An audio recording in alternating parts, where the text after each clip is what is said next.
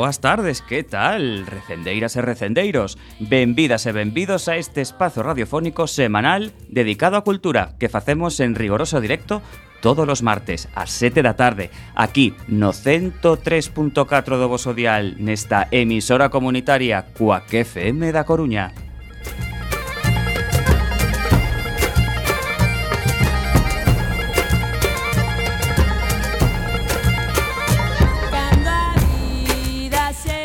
A Agrupación Cultural Alexandre Bóveda presenta este programa que podedes escoitar polas ondas radiofónicas ou a través da internet e tamén en directo na páxina da emisora quackfm.org. Se non chegaches a tempo, non tes excusa, compañeira. Podes descargar todos os programas emitidos tecleando cuacfm.org barra radioco e buscando o noso programa recendo ou escoitalo na redifusión que será os mércores ás 8 da mañá, os venres ás 13 horas e na madrugada do domingo luns ás 12 da noite. E a partir de agora, seguídenos nas redes sociais, tanto no Facebook como no Twitter, arroba recendofm, onde queremos formar unha comunidade recendeira. Tamén podedes visitar o Facebook da agrupación en a.c.alexandre.bóveda.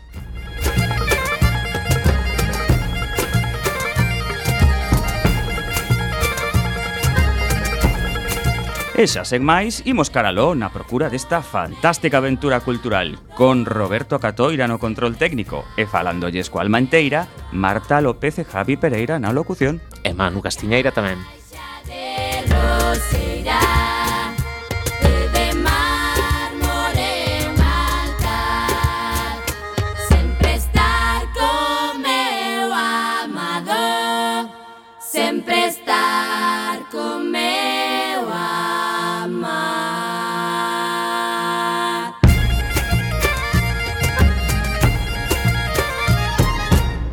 programa número 234. Hoxe estará connosco a traductora María Luisa Mirás Seijas, que nos falará da situación do seu sector.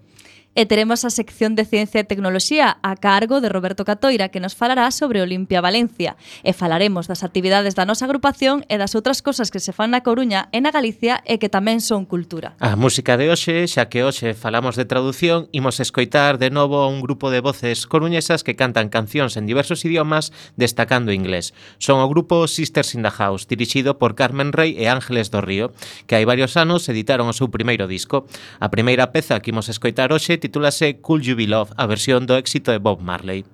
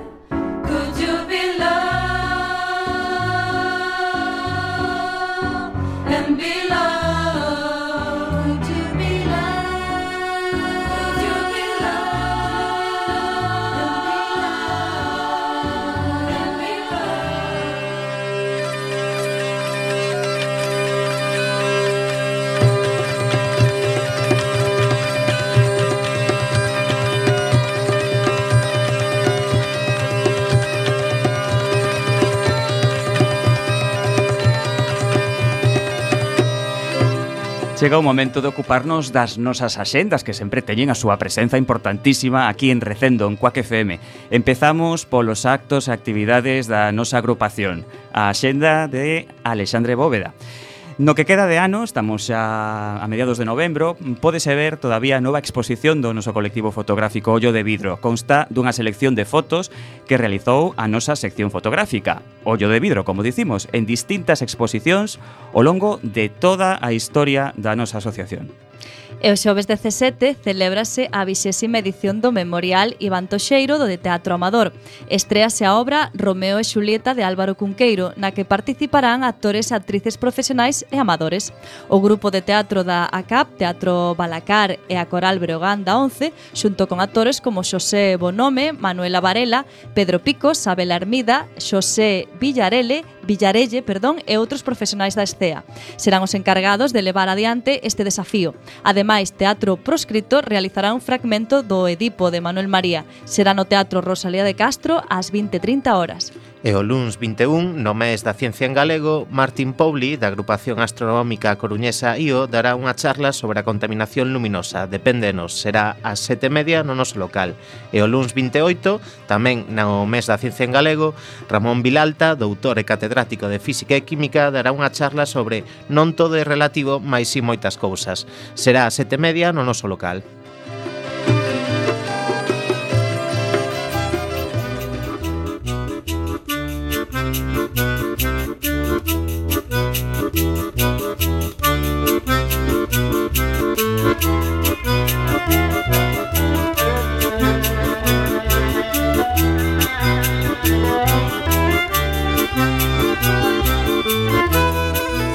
E que nos marca a xenda coruñesa semanal para estes próximos días? Pois as seguintes propostas, por exemplo, humor e a improvisación. Regresan o Baba Bar da man de los Dugis e o seu novo espectáculo Libre Configuración, todos os martes ata o 27 de decembro ás 9:30 da noite. E o mércores 16, concerto de James and Black dentro da súa xira europea. O dúo de Austin, Texas, integrado por Bruce James e Bella Black, traerá a súa función de soul sureño e hip hop clásico mesturado con aromas de Texas e Nova Orleans. Será no Garufa Club ás 21 horas. O Benres 18, ás 21 horas, no Fórum Metropolitano, Antón Coucheiro presenta Múltiple, un espectáculo muy, eh, cómico, participativo e con músico vivo que vai desafiando historias improvisadas coas propostas do público. E xa ben metidos na fin de semana, o sábado, día 19, God Save the Queen, a considerada mellor banda tributo a Queen do mundo, presentará Queen Forever, un espectáculo completamente renovado para lembrar os 25 anos da desaparición de Freddie Mercury. Será ás 10 da noite no Coliseum. E tamén o sábado, ás 10.30 da noite, o Sex Museum, pioneiros da escea de garaxe e independiente, regresarán á Sala Mardi Gras celebrando o seu 30 aniversario en plena reedición dos seus primeiros discos. Rematamos con dúas propostas teatrais para os máis cativos. A primeira é de Artello Teatro, que transforma o escenario nun bosque cheo de perigos para unha raposa de nome Bulebule e de Fábula, un espectáculo pensado para nenos a partir dos 5 anos. Será o sábado 19 a 6 da tarde e o domingo 20 ás 12:30 e ás 6 no Teatro do Andamio. E o domingo, ás seis e media no Fórum Metropolitano, Teatro Paraíso pon en escena Lunaticus Circus, unha fábula sobre o engano duns cobizosos ogros para obrigar a xente a vender as súas casas e todas as súas pertenzas, condenándoos a pasar fame e frío. Para público a partir dos seis anos.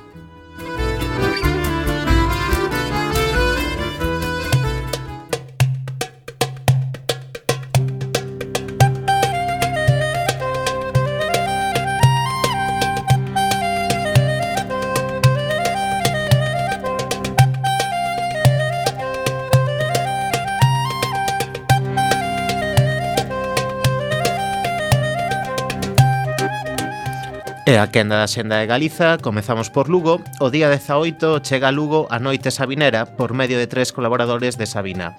Pancho Barona e Antón, Antonio García de Diego, coautores, e Mara Barros, actual corista de Joaquín. Ademais doutros músicos. Agora que Sabina descansa, esta xira ponse en marcha cun espectáculo dividido en dúas partes. Na primeira repásase o repertorio sabinero e na segunda o público pode subir o escenario para cantar o tema que se elixa. E será así Sabina por un día. Será no Auditorio Municipal Gustavo Freire e na Praza Milagrosa ás 10 da noite. E imos agora a Ourense, donde o Centro Coreográfico Galego presenta As Catro Estacións, a visión por medio da danza das catro estacións de Vivaldi. A peza combínase con fotografías de paisaxes de Galiza. O Centro Coreográfico Galego está adscrito a GADIC, Axencia Galega das Industrias Culturais, e busca que a danza se desenvolva máis do que está en Galicia. Pode verse no Auditorio Municipal situado en Camino Canal o sábado 19 ás 20.30. E agora dirixímonos a Pontevedra, con algúns premios, como o de mellor espectáculo para a infancia do pasado ano 2015, chega o Festival das Cóxegas Cale o meu nome. A través do movimento, o público poderá entrar nun mundo que espertará a imaginación de menores e adultos. As palabras serán o fío condutor desta historia que se conta bailando, cun sofá que é un tren, unha alfombra convertida en espello, unha montaña de céspede que se move, vai ser no Pazo da Cultura o domingo 20 ás 6 e media da tarde. Pegamos un chimpo ata Santiago, estamos en outono e o sábado é o momento do magosto no Gaiás. A partir das 8, os tres co cociñeiros ali presentes van a elaborar en directo tapas con castaña como ingrediente principal para seren degustadas polos asistentes. Todo iso acompañado dunha explicación sobre as bondades e características deste produto tan galego, a castaña. Ademais, como xa é tradición no Gaiás, haberá un carriño na entrada con castañas asadas para tomar logo. As 9, concerto in default do grupo Caxade, a entrada ordinaria é de 6 euros, comprada con antelación é de 7 euros no mesmo día que se compra. Alí será no Museo Centro Gallás. En Vigo, na cidade olívica, topamos o sexto certame de fotografía multidisciplinar Expofoto. A fotografía é presentada nun gran espectáculo dinámico e ameno, con ponencias e as proxeccións de traballos audiovisuais de calidade artística e técnica de 10 fotógrafos e fotógrafos. A partir do 19, ás 20 horas no Teatro da Fundación, na rúa Policarpo Sanz 13. E subimos ata Ferrol. Alí celébrase Festea 2016, Teatro de Obxectos, a cargo da compañía Trompicallo. O día 19 será o turno de Nube, a 6 da tarde no Centro Cívico Caranza. Había unha vez que non había nada, só pedras. Un día chegou unha nube e choveu. E o día 20, na Capela de Torrente Ballesteras 12, chegará Giñol, a estúpida idea do señor Bulú de facer uns zapatos, achega ao teatriño un estrano paquete dun lonxano país. Reparto de entradas na taquilla do Teatro Jofre desde o día 15 e o mesmo día da función no lugar da actuación ata completar a foro. Avisa a vila convidada de hoxe e antas de Ulla, un obradoiro de introducción á cociña vegetariana vai ter lugar este venres día 18 impartido polas cociñeiras da Casa da Terra pratos nutritivos de elaboración sinxela utilizando produtos da comarca e aprendendo a distinguir a calidade dos alimentos e a valorar a súa presentación. Realizaránse entrantes, primeiros e segundos pratos e postres caseiros. Entre os ingredientes, verduras de tempada e cereais ecolóxicos. Será o domingo a seis e media na Casa da Terra.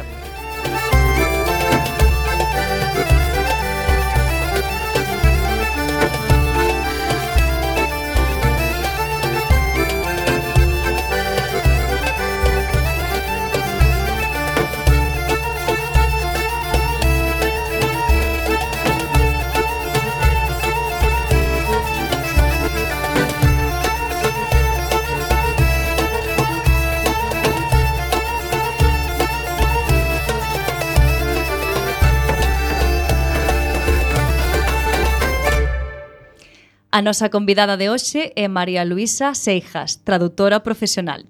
Luisa, que como quere que a chamemos, está especializada na traducción técnica, sendo o alemán a lingua que domina. Ademais, claro está, do galego e o castelán. Tamén exerce de intérprete, principalmente en ámbitos empresariais e industriais. Luisa, así mesmo, forma parte da AGPTI, Asociación Galega de Profesionais da Traducción e a Interpretación. Esta AGPTI traballa pola defensa dos intereses comuns dos traballadores do sector da traducción e interpretación, claro. Un dos seus principais obxectivos é a mellora das condicións laborais deste sector. Do mesmo xeito fan un esforzo común para promover o emprego do galego no mercado da traducción e interpretación e no resto dos ámbitos económicos. A asociación tamén ofrece aos seus socios oportunidades de formación continua non formal, poderíamos dicir Esta tarde, mm, gracias a Luisa, teremos a ocasión de coñecer un pouco máis o traballo dos tradutores e intérpretes, unhas traballadoras imprescindíveis, pero que sempre ou a miúdo fican na sombra, eh, en un segundo plano. Moi boas tardes, Luisa. Hola, boas tardes. Imos entrando en materia, sobre todo pensando na xente que non estea demasiado familiarizada con, con este mundo. Mm, como diferenciamos fundamentalmente traducción de interpretación? Básicamente, a, a traducción é sempre escrita e a interpretación fai referencia ao traslado pois dun contido, dicir, do que di unha persona dunha lingua a outra de maneira oral. Dicir, cando teñamos un, algo nun escrito, pois vamos a ter un libro traducido, un manual traducido, e cando esteamos nunha conferencia, pois vamos a ter unha interpretación. E cal das dúas é máis demandada? Depende do contexto, é dicir, eh, a traducción escrita é a que coñecemos todos por, polas obras literarias, polos manuais eh, das máquinas que temos nas casas, dos trebellos todos, que todos veñen con manuais, eh, traduceos alguén, vale? Eh, esa é a parte máis coñecida posiblemente, pero despois a parte da interpretación é a que está viva cando estamos falando de reunións internacionais, de congresos, de eh, experiencias formativas en empresa ou cando ven alguén dar unha ponencia ou ven un político punto de visita.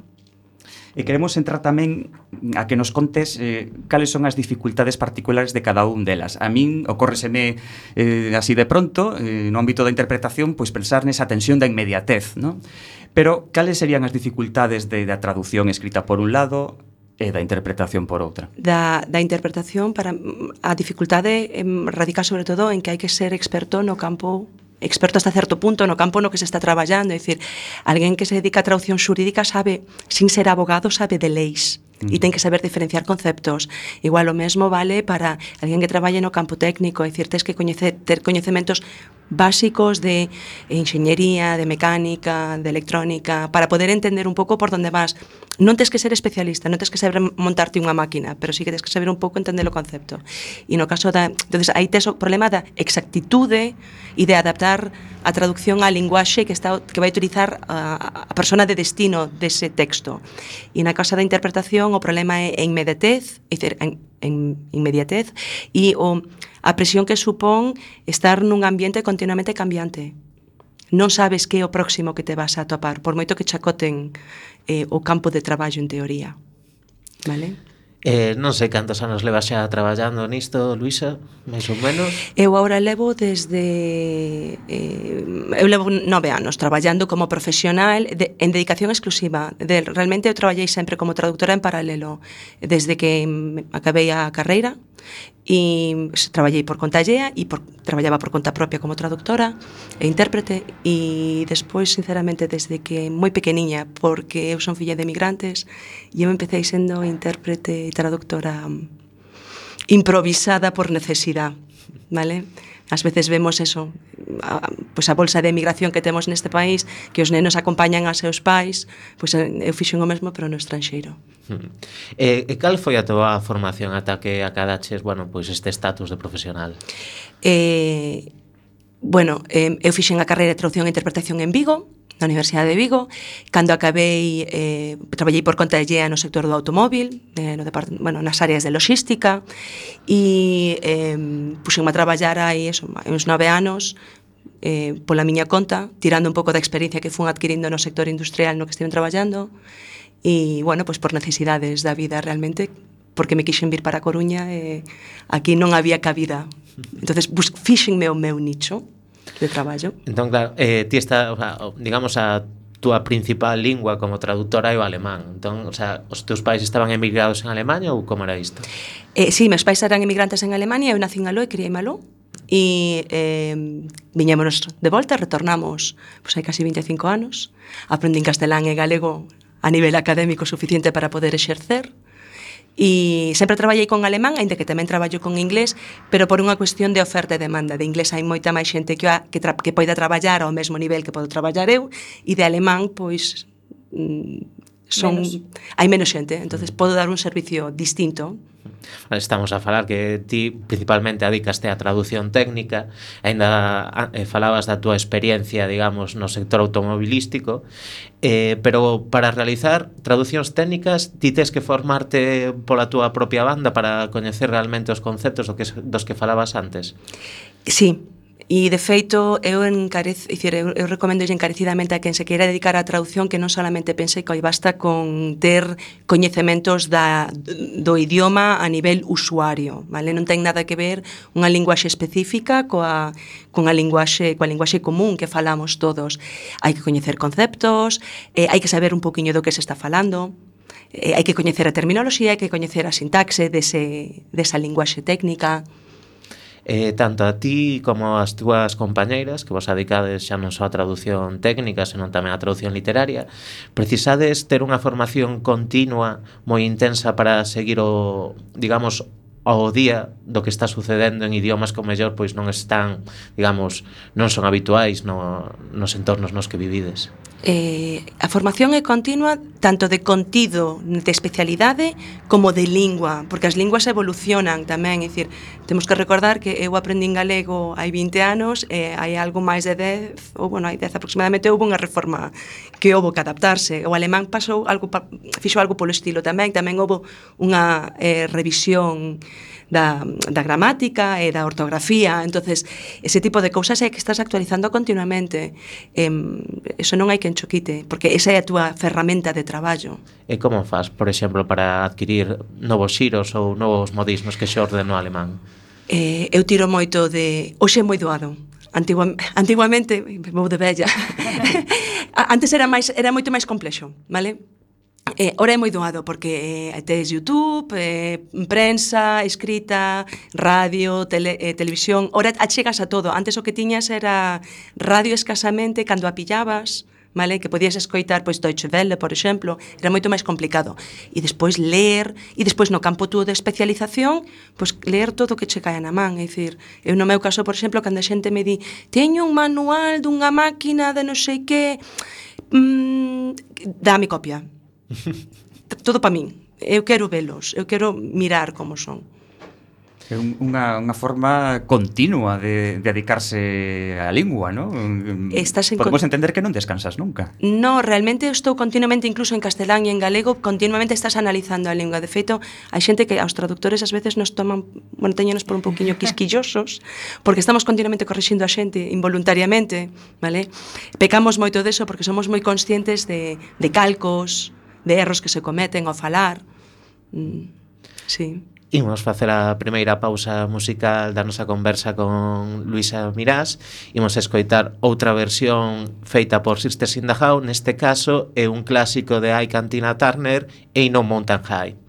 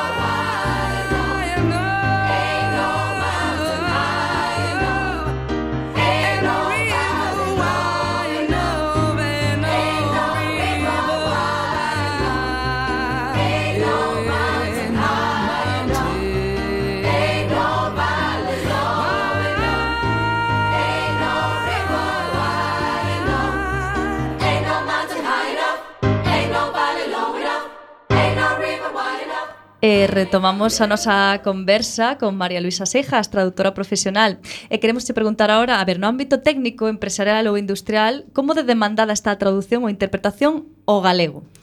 A ver, eh, no ámbito industrial a traducción e interpretación ao galego a verdade é que mm, escasa. escasa, vale? Por non decir nula. Hai certos ámbitos no que ten certo pulo agora mesmo, eh, non tanto industrial, senón falando de, do que é tecnoloxía, entón estamos falando de si se fai traducción ao galego de software, faise traducción ao galego de aplicacións, eh, para, móvil, para móviles, para tablets, eh, sistemas operativos, eh, Google ten todo, por exemplo, en galego, vale? Mm. entonces aí hai xente que se gaña a vida solamente facendo traduccións para Google, vale?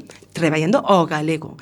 Eh, Outros ámbitos técnicos escasos.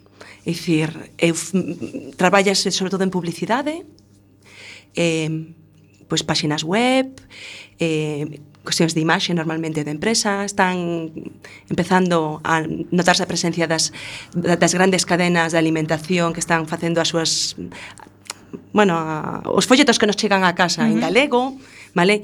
Eh, normalmente son pois, eso, empresas que teñen veñen xa de outro sitio onde adquiriron unha conciencia da necesidade de expresarse na lingua da, do país ou daquela rexión.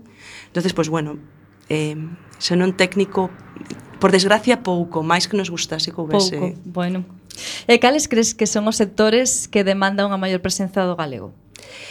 A parte literaria, Vale, o que comentábamos, a parte técnica, pois eso, toda que parte que ten que ver con software e tecno, novas tecnoloxías, eh, despois a parte de publicidade é importante. Non comentei, pero cabería dentro do, do sector editorial, por decirlo de algunha maneira, a parte de educación, todo o que son manuais mm. e tutoriais de educación, que por desgracia moitas veces son traducións do castelán, vale? Todo o material que pois, teñen os nenos na escola e así.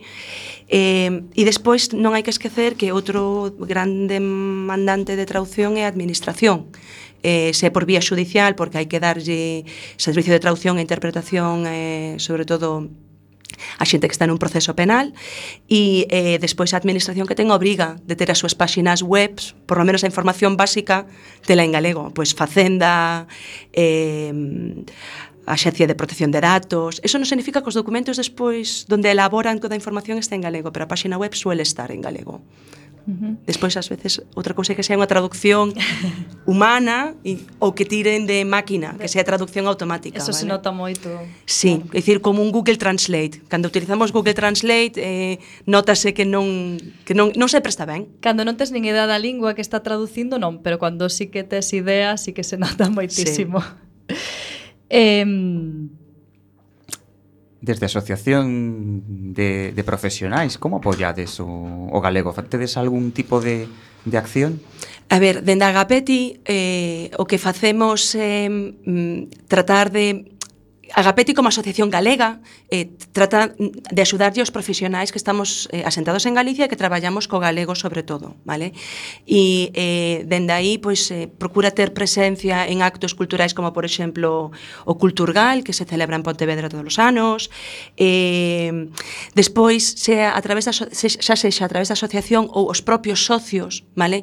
Que pois colaboramos activamente, pois facemos difusións das axudas que pode haber, becas e premios, sobre todo para para no ámbito literario, que é onde máis se traballa con subvencións, por decirlo de algún xeito, eh, despois a peticións dos eh, socios, mm, pues suelen organizarse ciclos formativos de reciclaxe, pues, que comentábamos, por exemplo, cando hai cambios normativos ou cando se pues, han pasado certos anos, diste, vale, quero un curso que me actualice un pouco todo, porque ás veces, pues eso, esqueces cousas ou hai cousas que de repente son importantes que antes non, non che chamaban a atención mm, e despois apoia aos profesionais nos problemas que pode ter como traductor xurado, porque hai traductores xurados de galego os traductores xurados de galego non se rixen eu son traductora xurada de castelán, por exemplo de inglés ao castelán. Entonces, eh, eh, no castelán quen rixe que lexisla, por decirlo de algún maneira, é o Goberno Central a través do Ministerio de Asuntos Exteriores e Cooperación. No caso do galego non, é a Xunta a entidade competente. Entonces, aínda que estamos dentro do Estado español e as cousas deberían ser máis ou menos similares, hai diferencias técnicas porque eles as incorporaron nos, nos, na legislación que desenvolve todo o proceso. Entonces, pues bueno, pues nese sentido como é algo moi específico do noso, aquí do noso recuncho este, pois eh, a, a Gapeti axúdalle aos profesionais que traballan que son traductores xurados de, gale, de galego ou traballan ao galego, pois botalles unha man no que pode. Pensando precisamente nesto que comentas, nos traductores xurados son probas moi duras as que hai que superar para conseguir a ver, ser ata, traductor eh, xurado. Eh, as, as, as probas non son doadas, entre outras porque ademais eh, A traducción xurada está enfocada ao meu entender erróneamente cara a traducción xurídica, que é algo completa non, non ten nada que ver unha cosa mm. coa outra. De feito, eu, por exemplo, son traductora xurada, pero non fago traducción xurídica, é dicir, legal. Eu fago traduccións moitas veces xuradas de textos técnicos, vale? Entonces, eh, a traducción, ao que son os exámenes están enfocados á traducción xurídica, entonces hai que saber de leis, ora houve un cambio, estamos á espera de que por, se define exactamente como van a ser os exames novos, porque houve que facer unha transposición dunha directiva europea e aquí vamos un chisco con retraso en España. Entonces, os exames van mudar, pero en calquer caso van a estar enfocados sempre ao ámbito legal. Co cal quen queira facer o examen de traductor xurado vai ter que saber de leis, vai ter que saber de legislación eh, e vai ter que pasar dúas probas de traducción. Unha xeral e unha técnica xurídica. Escritas, orais... Escritas e orais porque somos traductores e intérpretes. Claro. Estou falando de castelán. No caso do galego é un chisco distinto e non sei entrar exactamente en detalle porque é algo que non coñezo, pero se alguén ten interés pode ver toda a legislación está colgada na páxina web da Xunta e, e baixo o epígrafe de traductores xurados e aí pode ver todo o que é a, a o, desa, o desenvolvemento da legislación. Ti levas un longo percorrido, Luisa, pero pensando tamén en xente que coñezas que se adique o mesmo, eh, é moi complicado gañarse a vida como traductor ou intérprete? Ou as dúas cousas? A ver, um, a xente, habrá moita xente que che diga deso non se pode vivir, e eu teño claro que sí. Vale? Eh, a xente toda que estamos dados de alta na, na Gapet e na asociación como profesionais eh, vivimos da traducción. Eh, uns de maneira máis exclusiva que de outras, e que é certo que moitos deles ademais combinamos, non solamente somos traductores, hai xente que se dedica, por exemplo, á docencia, hai xente que a maiores de ser traductor el mesmo ten montada a xencia de traducción Maleco Cal montou un negocio de outro tipo, eh, pero hai, hai moitos que nos dedicamos solo á traducción e interpretación. Algúns combinamos eh, pois eh, disciplina, traducción e interpretación.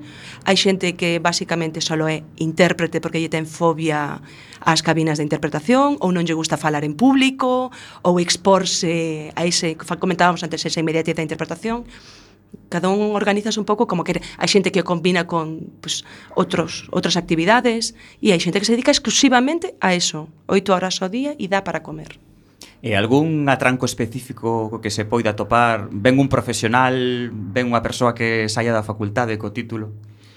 Eu penso que o maior atranco que temos son atrancos intelectuais, é dicir, na nosa cabeza. Temos que pensar que pero normalmente a xente pensa en traducción e pensa na traducción literaria, no bonito de traducir un mm. poema, un libro, de recrearte.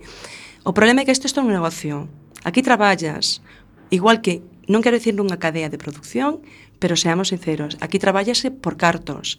Entonces, hai que falar en termos de productividade, habilidades, ferramentas, hai que ter software, hai que ter, ter coñecementos de software, hai que ter coñecementos eh, técnicos da materia que estás a traducir, porque senón perdes tempo que non repercute en cartos. É dicir, non é non te podes recrear na traducción realmente. É o que nos gustaría e que os textos foran perfectos, pero a ti paganche porque a cousa funcione. E entonces estamos falando de cartos de productividade, de negocio. Hai que ter realmente, a maiores de ter ganas de traducir, vale, que che guste, hai que ter eh, miras de empresario, Eh, consideras que existe intrusismo profesional no mundo da traducción e da interpretación? Non sois esas máquinas de Google Translate. No, no, no, no, no mira, eu ni siquiera eso considero intrusismo. É dicir, eh, teño compañeros que che dirán que sí, eu non.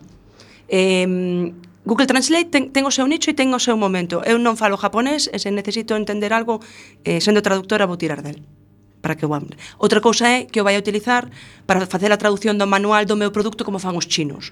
Non o faría vale? Porque podo ter unha primavera estupenda que ten que ser un muelle. vale? Spring inglés dá moitas guerras e pues, pasa con máis cousas. Entonces, cada cousa ten o seu nicho.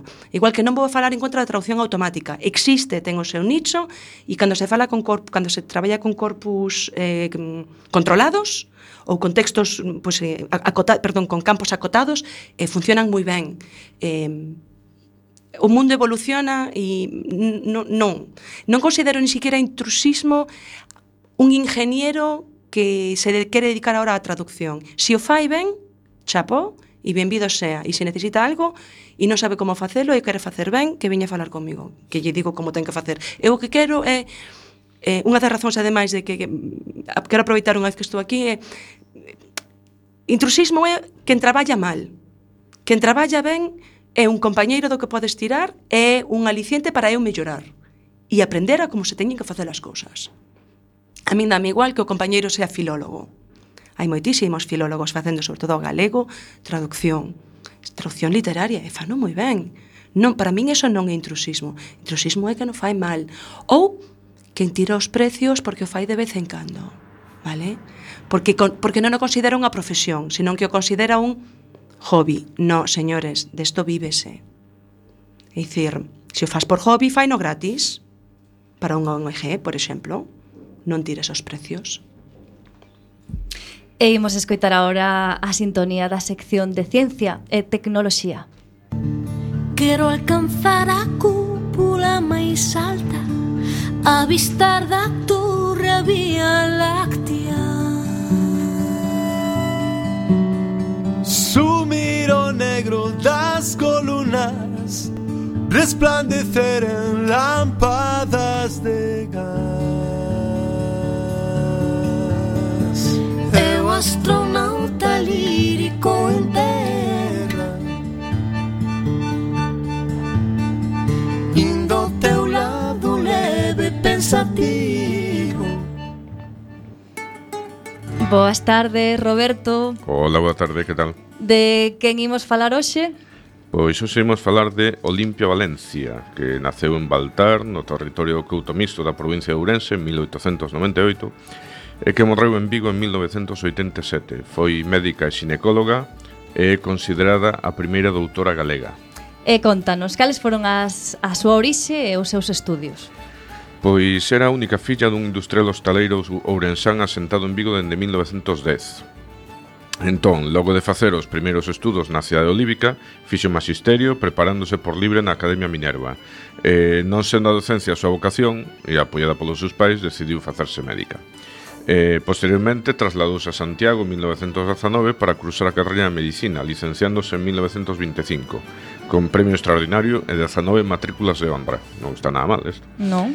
Nese mesmo ano foi a Madrid a facer a tese de doutoramento, todo un fito para unha muller naquel tempo. O, cadra, o catedrático de obstetricia, o doutor Racasens, vai ser o seu, o seu director e principal mestre. E a memoria de doutoramento que presentou no ano 1930 levaba por título La colesterinemia en la sangre en relación con la anestesia quirúrgica. Vaya nombrecillo. Sí, no, os médicos tenían sí. sí. Xa solo para aprendelos. Mm. E completou a súa formación noutros lugares. Pois sí, en Madrid de seguida entrou en contacto cos apéndices institucionistas, é dicir, a Institución Libre de Enseñanza, botando tres anos aloxada na residencia de señoritas da Rúa Fortuny, onde tamén vai exercer outras funcións para gañar unha bolsa co fin de custearse a estancia. No ano 1926-27 imparte clases de cultura xeral a residentas e no seguinte curso é nomeada médica titular do Instituto Escuela, que era algo así como unha institución docente experimental xurdida do entorno da Junta de Ampliación de Estudios. Eh, posteriormente, Olimpia mantivo conexión coa investigación e se preocupou por contactar coas técnicas e os avances médicos que se estaban a dar no estranxeiro.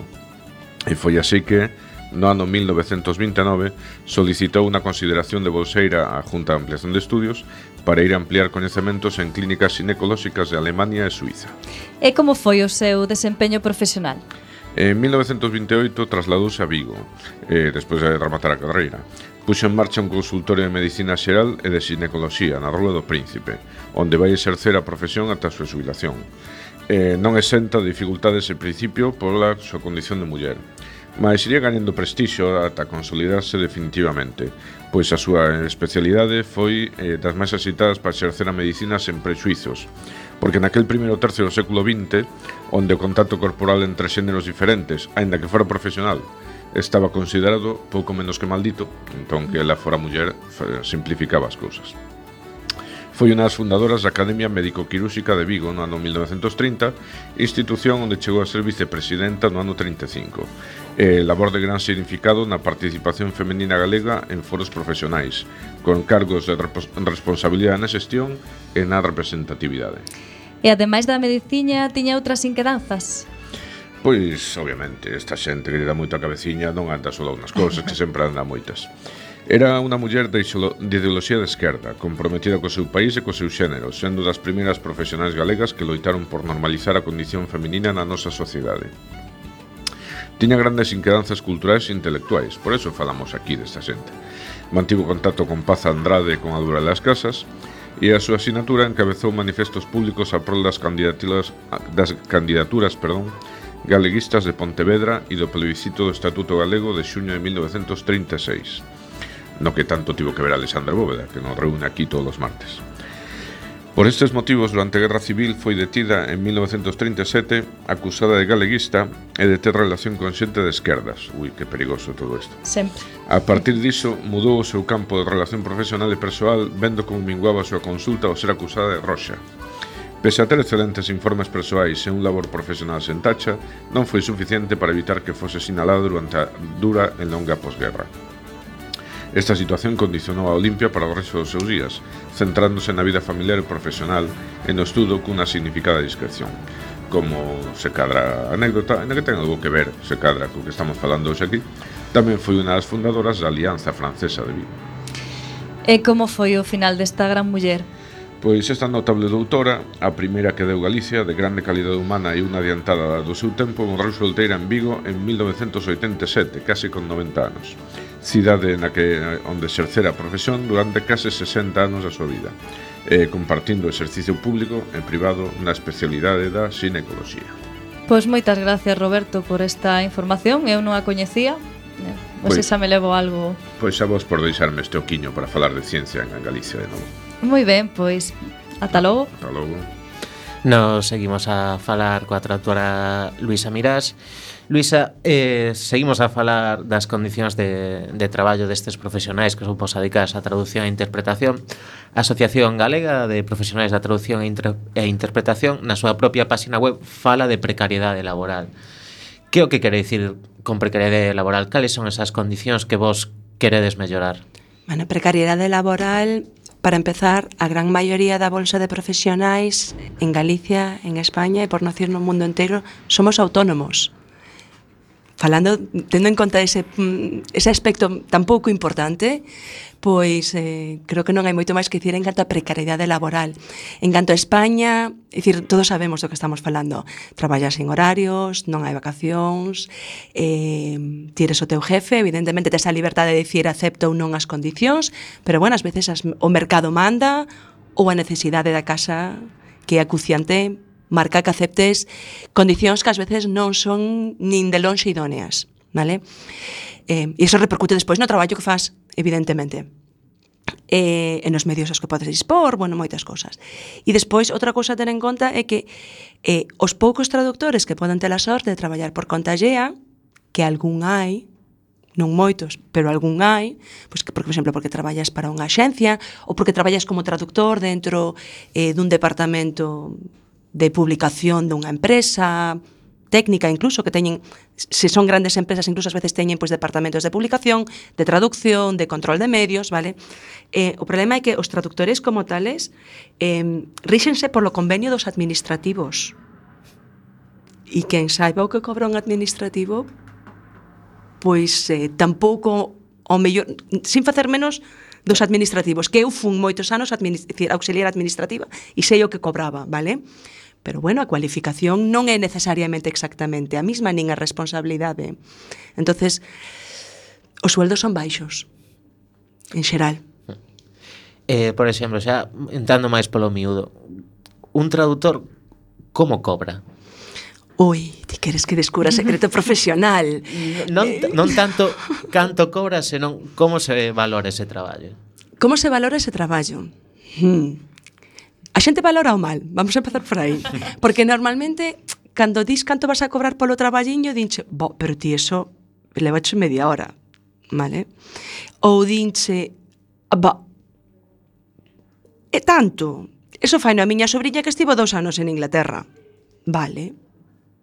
Eu, eu sempre digo o mismo, vale, se necesitas algo máis, xa sabes onde estou vale? É que non teño nada que dicir.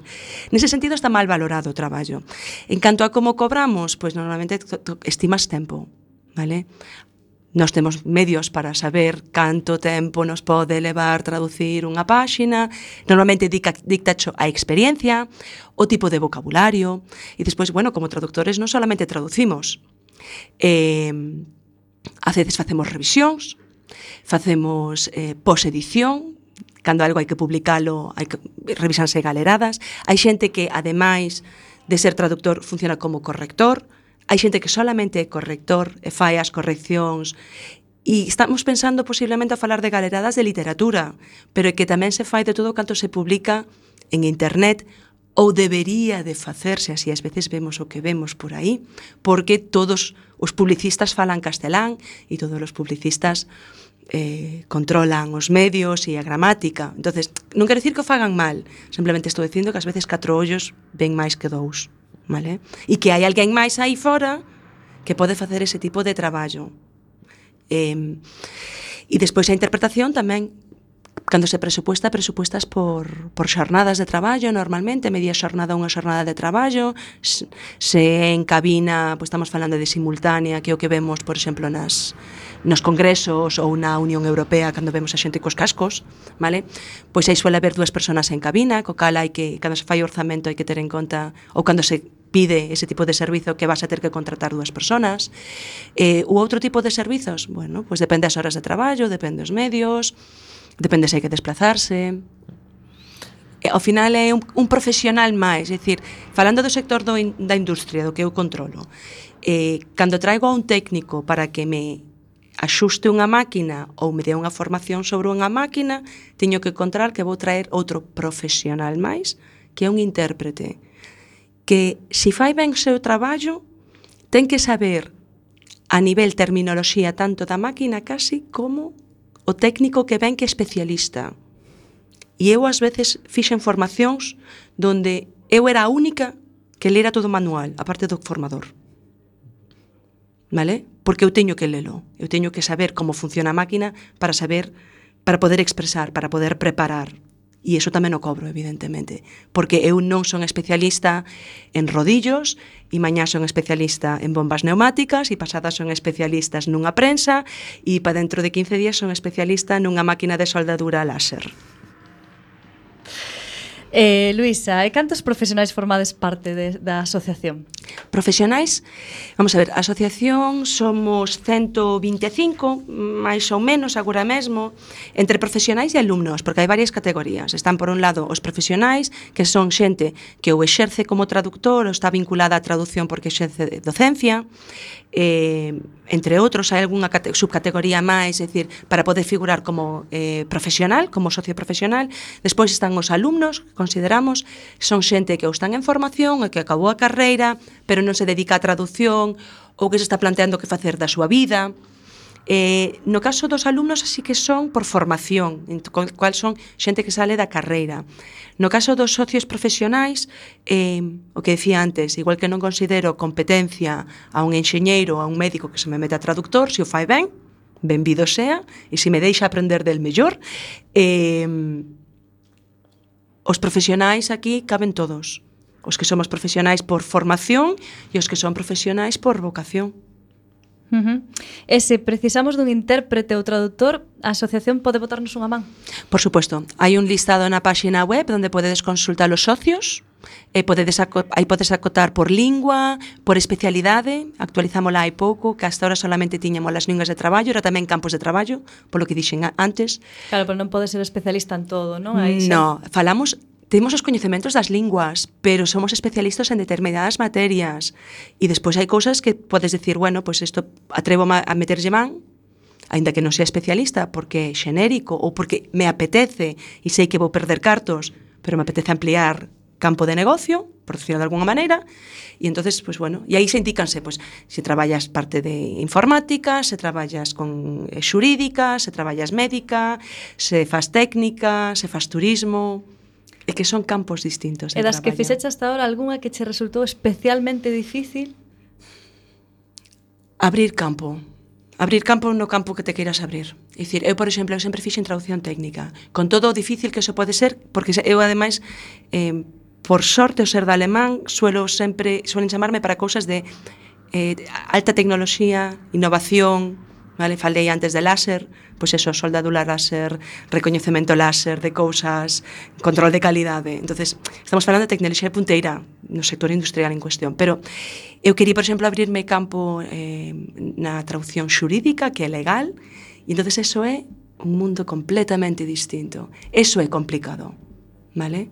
Dicir, eso sí me dá medo, porque xa procuro non coller cousas onde podo patinar, é dicir, porque senón é un final en cliente satisfeito. Insatisfeito, vale? Entonces, pois pues, bueno. Eh, tes algún coñecemento do, do estado da interpretación e traducción das outras eh, linguas do estado? A ver, eh, en español eh, com, est est estáse traballando ben, eh, hai temos que ter en conta que eh, a traducción de calquera das linguas europeas ou é igual a lingua que poñemos realmente. O castelán competimos con Latinoamérica, que temos competencia directas en precio e en mercado, vale?